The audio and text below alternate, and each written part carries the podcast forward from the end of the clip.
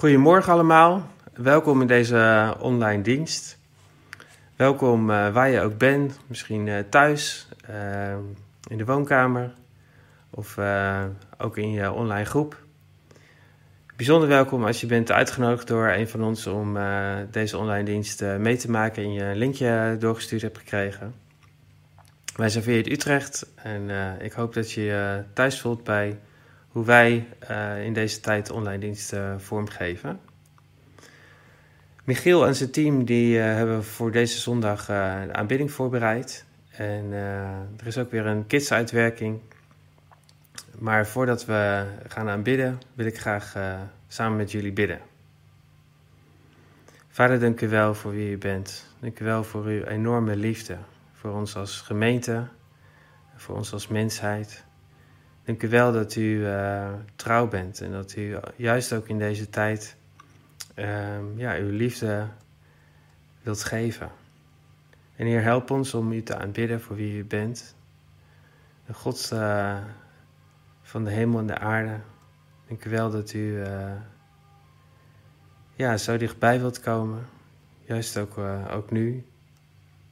Heer, ik bid dat u ons allemaal aanraakt. Dat u ons verandert van binnen.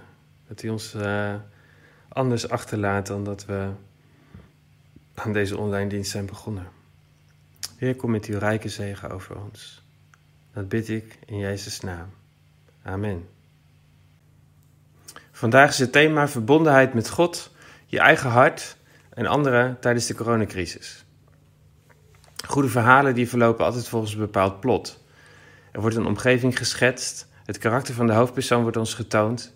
Het normaal van het leven wordt geschetst. En als die stappen gezet zijn in het verhaal, dan is het tijd voor actie. Voor chaos, voor de wending van het plot. Er gebeurt van alles. De hoofdpersoon maakt iets ergs mee, gaat door een crisis, hij wordt uitgedaagd om keuzes te maken en om op te staan. Om iets heldhaftigs te doen, in een poging het tijd te doen, te doen keren. En in het alles wordt uh, ons als kijker, als luisteraar of lezer het karakter van de hoofdpersoon getoond. Wat zou die gaan doen? Is hij bestand tegen deze tegenslag? Hoe redt hij zich uit de situatie? En de vraag, wat zou ik zelf doen, die is opeens onvermijdelijk geworden. En dat is het mooie aan een goed verhaal. We krijgen een inkijkje in situaties die we misschien zelf wel uh, meegemaakt hebben of zouden kunnen meemaken. En we kunnen ons identificeren met de uitdagingen van de hoofdpersoon. En aan het slot uh, van een goed verhaal, daar komen alle lijnen weer bij elkaar en keert het verhaal terug naar een normaal. En soms zelfs een nieuw normaal. En zien we eigenlijk dat de, de hoofdpersoon wezenlijk veranderd is door wat hij heeft meegemaakt. Er zijn uh, tal van films die ik als voorbeeld zou kunnen geven, maar denk bijvoorbeeld aan de, aan de Lion King, het verhaal van de leeuwenkoning Simba, die wordt bedreigd door zijn oom Scar, die de macht wil grijpen. En hij moet opstaan en laten zien wat hij waard is. En dit is misschien niet het genre waar de tieners enthousiast van worden. Um, maar dit soort verhaallijnen vind je ook terug in uh, superheldenfilms zoals Spider-Man en Batman en de Avengers en zo. Drie boeken in de Bijbel worden ook wel wijsheidsliteratuur genoemd: Spreuken, Prediker en Job. Het eerste, Spreuken, liet ons zien dat God wijs en rechtvaardig is. God heeft de wereld eerlijk gemaakt. Goede mensen worden beloond en slechte mensen worden gestraft. Oftewel, je krijgt wat je verdient. Maar dan ontmoeten we Prediker. Die ziet dat mensen niet altijd krijgen wat ze verdienen. Volgens hem is de wereld niet altijd eerlijk. Het leven is onvoorspelbaar en moeilijk te begrijpen. Het is alsof je in de mist leeft. Dus denk je wel eens, is God wel zo wijs en rechtvaardig? Precies. En dat is de vraag die het laatste wijsheidsboek stelt. Job. Oké, okay, beginnen maar dan. Nou, Job begint met een vreemd verhaal dat zich ergens in de hemel afspeelt. In een soort hemels commandocentrum. God is daar met wat engelachtige wezens. De zonen van God worden ze genoemd. Ze zijn daar om te horen wat ze die dag moeten doen. En dan wijst God ze op Job. Dat is nog eens een goed en eerlijk mens. En dan komt een van die engelfiguren dichterbij. In het Hebreeuws wordt hij de Satan genoemd. De Satan? Wie is dat? Nou, dat woord is eigenlijk een titel die letterlijk tegenstander betekent. Uit de hele ploeg daar is hij degene die zo zijn twijfels heeft over hoe God de wereld runt. Hij betwijfelt of Job echt van God houdt en denkt dat hij alleen een goed persoon is omdat God hem daarvoor beloont. Als God nou eens alles dat hij aan Job heeft gegeven weer af zou pakken, dan zouden we de echte Job leren kennen. Dus hij denkt dat Job alleen maar gebruik maakt van het systeem. Precies. Misschien gehoorzaamt hij alleen maar omdat hij dan krijgt wat hij wil. God gaat akkoord met het experiment en staat Satan toe om Job flink te laten leiden. En Job verliest alles en iedereen om wie hij geeft. Het is werkelijk een ramp. En bedenk, Job verdient dit dus echt niet. Dat heeft God zelf gezegd. Maar het opmerkelijke is dat Job ondanks al dit lijden God blijft prijzen. Ja, nou ja, in de hoofdstukken 1 en 2. Maar in hoofdstuk 3 ontdekken we hoe hij zich echt voelt van binnen. In dit gedicht schreeuwt hij het uit van wanhoop. Het is één lange vervloeking van zijn geboortedag. Dan komen er een paar van Jobs vrienden op bezoek. Voor hen is het duidelijk: Job, je moet wel iets vreselijks hebben gedaan om dit te verdienen. Maar ja, God is rechtvaardig en alles gaat altijd volgens zijn eerlijke principes. Dus kennelijk heb je dit verdiend. En in de 34 hoofdstukken die volgen, bakkeleien Job en zijn vrienden hierover in prachtige Hebreeuwse taal. Zijn vrienden blijven maar speculeren over waarom God hem zo laat lijden. Ze maken zelfs lijstjes van mogelijke zonden die Job zou hebben gedaan. Maar na elke beschuldiging verdedigt Job zijn onschuld. En Job is onschuldig. Zeker. Maar hij zit ook in een emotionele achtbaan. Het ene moment is hij er zeker van dat God nog steeds wijs en eerlijk is. Maar het volgende moment twijfelt hij enorm aan Gods goedheid. Het komt zelfs zover dat hij God ervan beschuldigt roekeloos en oneerlijk te zijn. Aan het eind van alle gesprekken eist Job van God dat hij zelf alles komt uitleggen. En dat doet God. Hij verschijnt in de vorm van een grote, donkere storm. Maar God geeft Job geen direct antwoord. Hij vertelt niks over het gesprek met de Satan. Maar hij doet wel iets heel anders. Hij neemt Job mee op een virtuele reis door het heelal. Hij laat Job zien hoe fantastisch de wereld is. God vraagt Job of hij deze wereld soms kan begrijpen of besturen, al is het maar voor één dag. Hij laat hem ook de hoeveelheid details zien in deze wereld. Dingen die we misschien elke dag zien, maar eigenlijk niet begrijpen. Maar God wel. God kent alles door en door. Hij heeft aandacht voor de schoonheid van het heelal en hoe alles werkt. Op plekken die wij nooit zien en ons zelfs niet kunnen voorstellen. Aan het eind laat God aan Job ook nog twee bijzondere dieren zien, waar hij heel trots op is. Ze zijn serieus gevaarlijk. Ik bedoel, ze zouden je verslinden zonder erover na te denken. En toch zegt God dat ze niet slecht zijn. En ook zij zijn deel van zijn goede wereld. En dat was het dan. Dat is Gods hele verdediging. Een beetje vreemd, want wat wil hij hier nou mee zeggen? Nou ja, het lijkt hierop. Vanuit Job gezien lijkt God onrechtvaardig. Maar Gods perspectief is oneindig veel groter. Hij kan het hele universum overzien wanneer hij besluiten moet nemen. En dat noemt God zijn wijsheid. Dus het is eigenlijk absurd dat Job aan God vraagt om zich te verantwoorden. Hij zou deze mate van complexiteit nooit kunnen begrijpen, ook al zou hij het willen. Dus wat is de conclusie? Nou ja, Job kan niet anders dan stil worden. Hij komt er nooit achter waarom hij zo moest lijden. En toch kan hij in vrede en met ontzag voor God leven. Maar hier eindigt het boek niet. Want daarna geeft God aan Job het dubbele terug van alles wat hij had kwijtgeraakt. En dat is opnieuw verrassend. Is dit dan een beloning? Zegt God hiermee: Gefeliciteerd Job, je bent geslaagd voor deze pittige test. Nee, nee, nee, nee. Het hele boek zegt juist dat wat Job is overkomen geen straf was. Dus wat er nu gebeurt is ook geen beloning. Maar waarom krijgt hij dan alles terug? Blijkbaar heeft God in zijn wijsheid besloten Job dit cadeau te doen. We weten niet waarom, maar wel dat Job nu iemand is geworden die ongeacht de omstandigheden kan vertrouwen op Gods wijsheid. En dat was dan het boek Job. En ook het einde van onze wijsheidsserie. Deze Bijbelse wijsheidsboeken zijn echt schitterend. Elk boek biedt ons een unieke blik in het goede leven. En je moet naar alle drie samen luisteren als je wilt leren om wijs en in ontzag voor God te leven. De Bijbel staat ook vol van verhalen met zo'n verhaallijn. Verhalen over helden die door God worden gebruikt om bevrijding, rust of vrede te brengen voor het volk. Verhalen waar we ons mee kunnen identificeren. Het zijn soms ook verhalen van gewone mensen die in een crisis of in moeilijkheden uh, worden uitgedaagd, onder druk worden gezet en onder die druk wordt hun karakter zichtbaar. Welke keuze maakt de hoofdpersoon als het er echt op aankomt? Vaak laat de Bijbel een heel eerlijk verhaal zien van hoe de, de lijn in zo'n verhaal uh, verder lopen.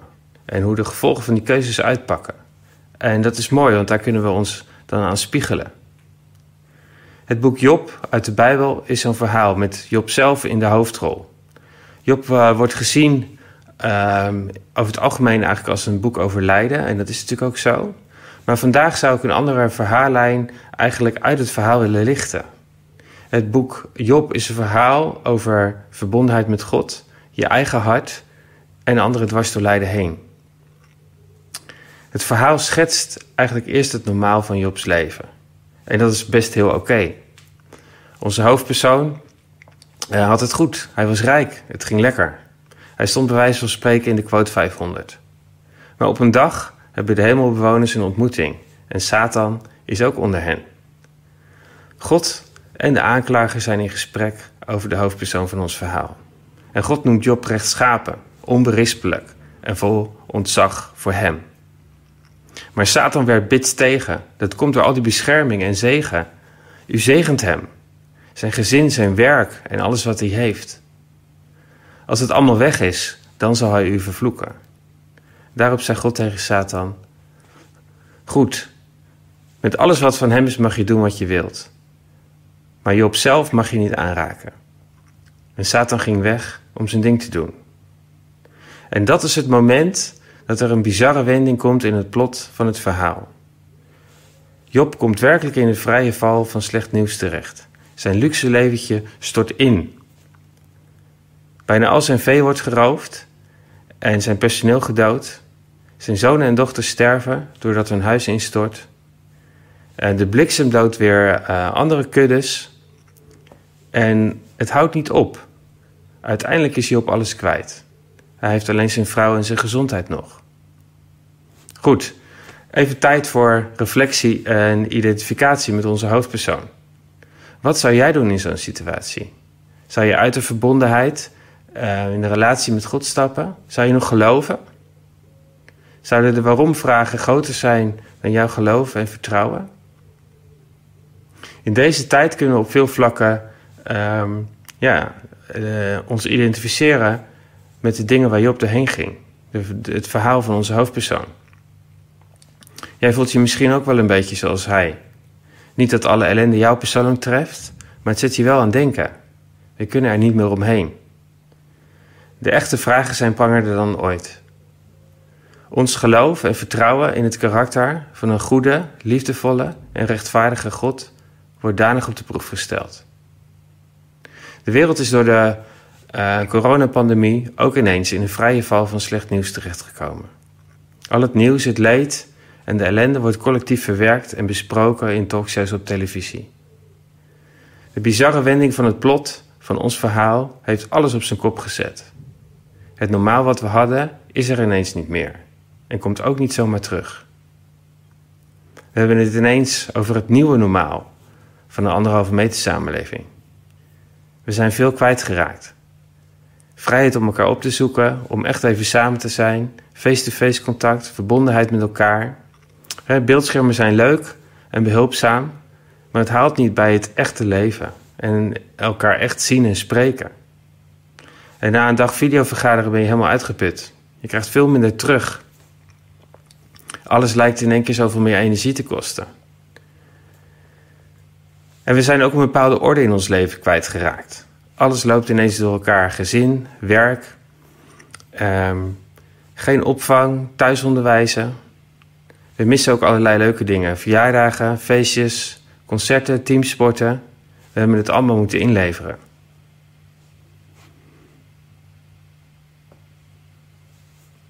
En aan de andere kant ben je misschien ook wel financieel geraakt.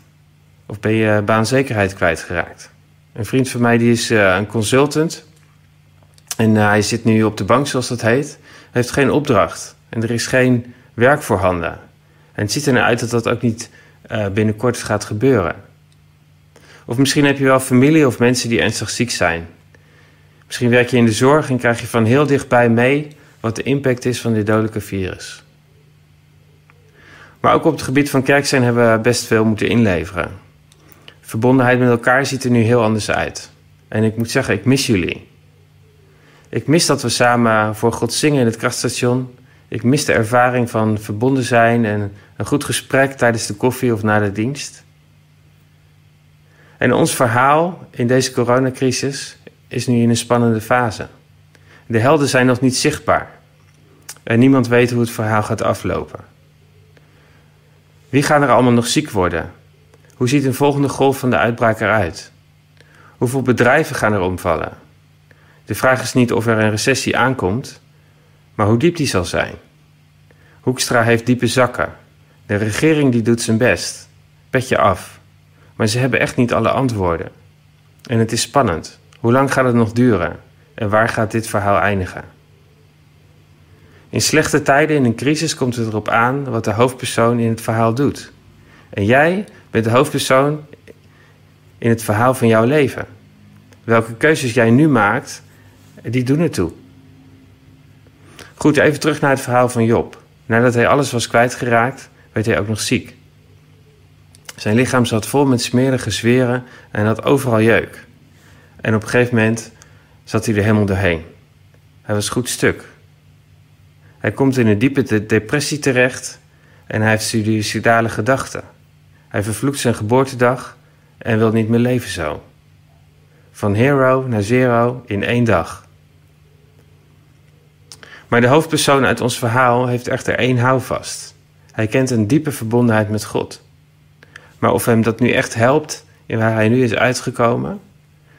Hoofdstuk na hoofdstuk um, ben je als lezer van het boek Job uh, toeschouwer van al het pijnlijke piekeren, alle hartverscheurende twijfels, de eerlijke vragen. In zijn denken staat alles op losse schroeven. Wie is God? Waarom gebeurt dit? Waarom overkomt mij dit? Ik ben niet schuldig, waarom? Vraag naar vraag en twijfel naar twijfel.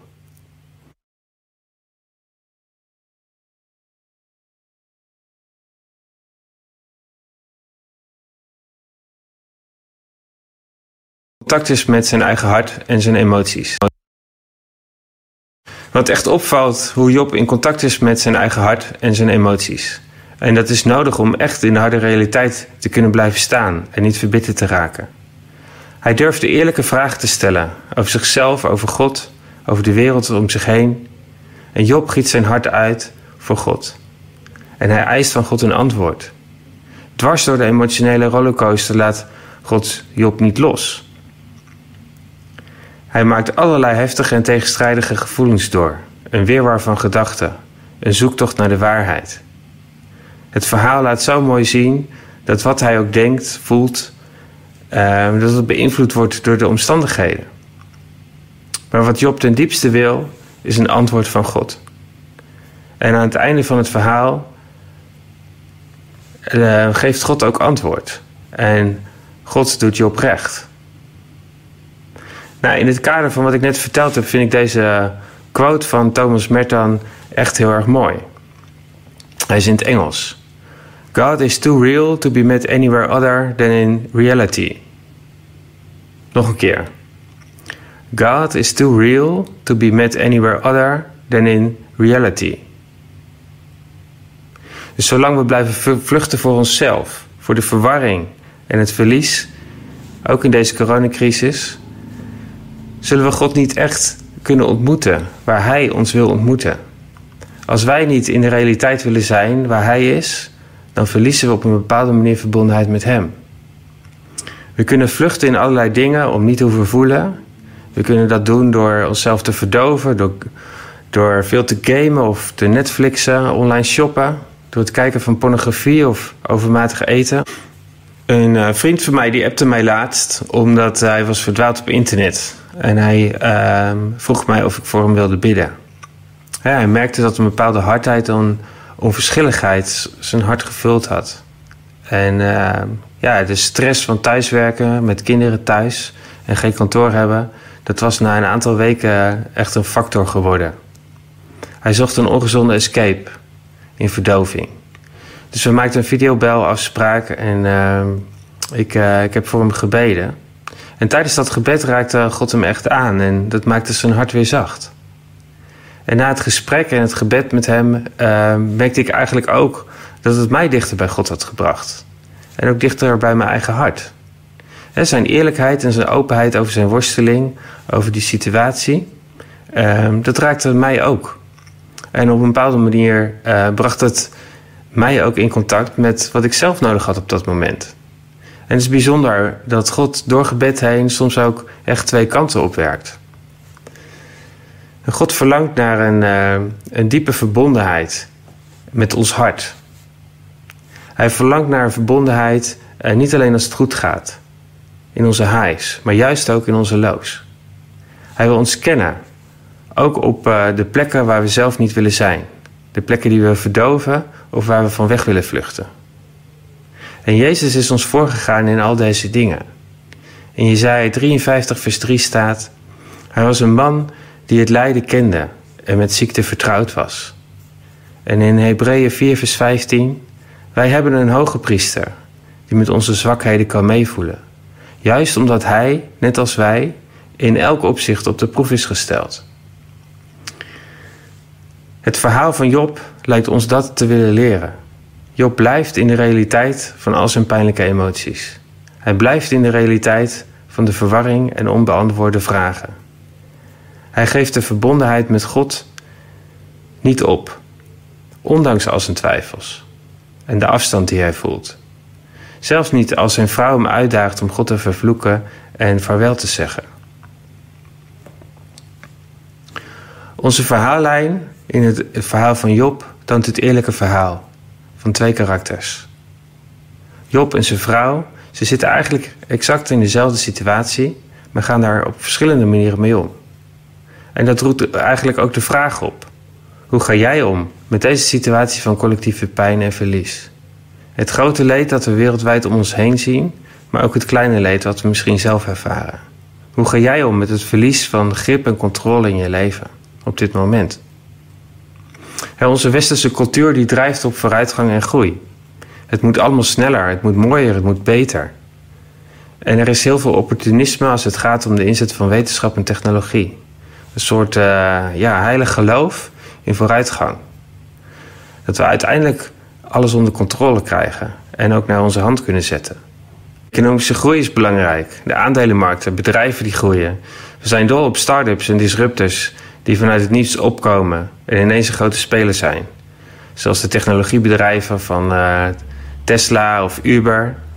Maar ook in de kerk verlangen we naar groei en uitbreiding van Gods koninkrijk. Nieuwe mensen die erbij komen. Maar ook verdieping van geloof van mensen die Jezus al kennen. Maar ook op organisatorisch niveau. Als we op de een of andere manier meer doen, meer organiseren, voelt dat uh, al snel als beter. He, dus onze cultuur die drijft uh, op vooruitgang en opportunisme. En uh, ja, we doen daar vaak ook zelf aan mee. Maar de verhaallijn van deze tijd die drukt ons echt met de neus op de feiten. Groei en vooruitgang zijn tot stilstand gekomen. Fabrieken zijn dicht, kantoren gesloten en mensen werken thuis. De productiviteit is ingestort en de economie moet aan een infuus. Bij TNO uh, merken we dat ook. Ik had van de week een uh, projectoverleg en er moest een herplanning uh, uitgevoerd worden. Maar we zien eigenlijk dat de doorlooptijden van allerlei dingen uh, ja, veel langer duren. mensen worstelen om werk en zorg, thuisonderwijs te combineren. En zijn soms meer dan 12 uur per dag in de weer. En ja, een herplanning is dan een beetje kansloos. Het lukt gewoon niet meer om op dezelfde manier door te gaan. Dus we moeten bijstellen. En dat voelt ongemakkelijk. Ik merk bij mezelf ook verzet. Ik wil de dingen niet uit mijn handen laten vallen. Maar dit is geen tijd van groei en vooruitgang. En ik merk dat ik het liefst zou overslaan. Dus mijn eerste reactie op dit soort omstandigheden is, uh, is je schrap zetten en zoveel mogelijk doorgaan. En uiteindelijk eigenlijk verzet tegen de situatie. Maar na zes weken coronacrisis zie ik de vermoeiing om me heen. We moeten echt schakelen en een stapje terug doen. Het is te groot om nog te redden. We moeten accepteren dat de wereld echt veranderd is en op een bepaalde manier veel onzekerder is geworden dan dat we aan het begin van het jaar nog dachten. En dat is lastig in een cultuur die drijft op groei en vooruitgang. onze cultuur heeft ons geleerd om pijn, verlies, teleurstellingen uit de weg te gaan. Om dat te verdoven met andere dingen of te fixen met medicatie. Er is een groot vertrouwen in de medische wetenschap. Maar we komen nu collectief tot de conclusie dat er niet zomaar even een oplossing is. We kunnen het niet fixen. En we kunnen er ook niet meer voor vluchten. En de Bijbel reikt ons door het prachtige verhaal van Job een raamwerk aan van omgaan met verlies, verdriet, pijn, teleurstelling en het kwijtraken van grip en controle. Het begint met eerlijk erkennen van wat we zijn kwijtgeraakt. De pijn en vertwijfeling eh, niet uit de weg gaan, maar er dwars doorheen gaan. Ons hart uitstorten bij God en alle vragen open, eerlijk en ongepaleist bij Hem neerleggen. In vertrouwen jezelf overgeven aan armen die sterker blijken te zijn dan de kracht van jouw pijn, jouw teleurstelling of vertwijfeling. Een omarming die geen vragen beantwoordt, maar wel een antwoord blijkt te zijn. Het verhaal van Job lijkt aanvankelijk een verhaal over verlies en lijden. Maar in de diepere lagen van het verhaal zit een verhaallijn van verbondenheid met God, je eigen hart en anderen. Het verhaal wil jou een diepe les meegeven. Het leven gaat uiteindelijk niet over het managen van jouw bezittingen. Het gaat niet over groei en vooruitgang. Nee, we zijn geroepen om verbonden te zijn met God. Om één met Hem te zijn in alles. In onze highs en in onze, in, onze lows. In 1 Korinthe 1 vers 9 daar staat... God, door wie u geroepen bent om één te zijn met zijn Zoon Jezus Christus, onze Heer, is trouw. De werkelijkheid van het leven is complex en ondergrondelijk. Visies en denkbeelden op onszelf en uh, onze werkelijkheid komen en gaan. Gevoelens komen en gaan. Maar de wil om verbonden te zijn met God mag in en door alles heen overwinnen.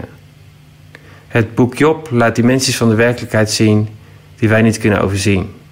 Zoals dat inkijkje in de hemel. Misschien schept God wel op over jou. Over ons. Misschien zegt hij wel tegen Satan: Heb je die christenen gezien, die vineyarders? Rechtschapen en onberispelijk. Misschien heeft de vijand in deze tijd wel meer ruimte om zijn ding te doen in een poging om ons verbitterd te maken. Zodat we net zoals de vrouw van Job onze verbondenheid met God opgeven. Ik weet het niet. Het verhaal van deze coronacrisis is nog lang niet afgelopen. Ook lijkt dit op het eerste gezicht een verhaal over verwarring, verlies en lijden. En het is ook zo. Maar daar hoeft het niet te stoppen. Ik geloof dat het verhaal waar we nu collectief in zitten ook een veel diepere verhaallijn in zich draagt. Een verhaallijn die gaat over verbondenheid met God, je eigen hart en anderen. Jij hebt je eigen verhaallijn in dit collectieve verhaal van de coronacrisis. Jij bent de hoofdpersoon in de scènes van jouw leven. Hoe jij uit deze coronacrisis gaat komen, dat is eigenlijk aan jou. Misschien staan jouw gezondheid, bepaalde zekerheden of bezittingen op het spel. Het verhaal van ons leven gaat niet over grip en controle hebben over succes. Het gaat niet over groei en vooruitgang. Nee, ieder mens is geroepen om één te zijn met Jezus, de Zoon van God. En God is de regisseur van het verhaal van jouw leven. En Hij is trouw. Zijn waarom-vragen worden niet beantwoord. Maar in een ontmoeting met God komt Job tot een veel diepere overgave en verbondenheid met God. In Job 41, vers 3 lezen we: Wie was ik dat, dat ik door mijn onverstand uw besluit wilde toedekken? Werkelijk, ik sprak zonder enig begrip. Over wonderen te groot voor mij om te bevatten. Eerder had ik slechts over u gehoord, maar nu heb ik u met eigen ogen aanschouwd. Daarom herroep ik mijn woorden en buig ik mij, zoals ik hier zit in het stof en het vuil. Laten we ons verootmoedigen en overgeven aan God in deze tijd. Met alles wat in ons hart is. Ik bid dat je God dwars door alles heen mag gaan zien zoals Hij werkelijk is. Voor veel mensen om ons heen die God niet kennen, is dit ook een eh, verwarrende en donkere tijd. En deze tijd vraagt juist om mensen die een stem van hoop kunnen zijn. Op een bepaalde manier moeten wij de, de boodschap van hoop die we hebben voor deze wereld ook echt zelf belichamen. Anders is het niet geloofwaardig. En dat vraagt om authenticiteit. Deze tijd vraagt om authentieke christenen die niet verdoofd en verbitterd of verward zijn geraakt. Christenen die hun hart niet hebben afgesplitst voor alle ellende. Deze tijd vraagt om helden die midden in de realiteit staan, in verbondenheid met God, hun eigen hart en anderen. God is too real to be met anywhere other than in reality. Amen. Zullen we bidden? Vader, dank u wel voor wie u bent. Dank u wel dat u uh, op zoek bent naar een hele diepe verbondenheid met ons, uw kinderen. Dank u wel dat u verbonden wilt zijn in onze highs, maar ook in onze lows. Heer, dank u wel dat, uh, dat u pijn en lijden uh, ja, in uw hand zijn. Dank u wel dat u trouw bent. Dank u wel dat, uh, ja, dat we die hele diepe verbondenheid, dat we daar ons naar uit mogen strekken. En ik, Heer, ik bid dat als we ja, vastzitten in uh, het verdoven van ons hart in deze tijd, dat u ons hart aanraakt. Dat u, uh, dat u komt met uw liefde en dat u ons vrijzet. Heer, help ons om uh, ja, wat er in ons hart is onder oog te komen, zodat we ja, die dingen ook bij u kunnen brengen. Heer, ik bid dat u, net zoals uh, als u Job ontmoette, dat u ons wilt ontmoeten. Nu in deze tijd. En ik zeg jullie om uh, een stem van hoop te zijn in deze wereld. Ik zeg jullie om uh, authentiek te zijn en uh, alle dingen die in je hart zijn ook uh, bij de Vader te brengen. Mag Hij jullie omarmen. Mag zijn een omarming een antwoord zijn op, uh, op al je vragen. Dat bid ik in Jezus' naam. Amen. Hey, bedankt voor het uh, kijken naar deze online dienst. Heb nog een, een goede week en we zien jullie graag terug. Doeg!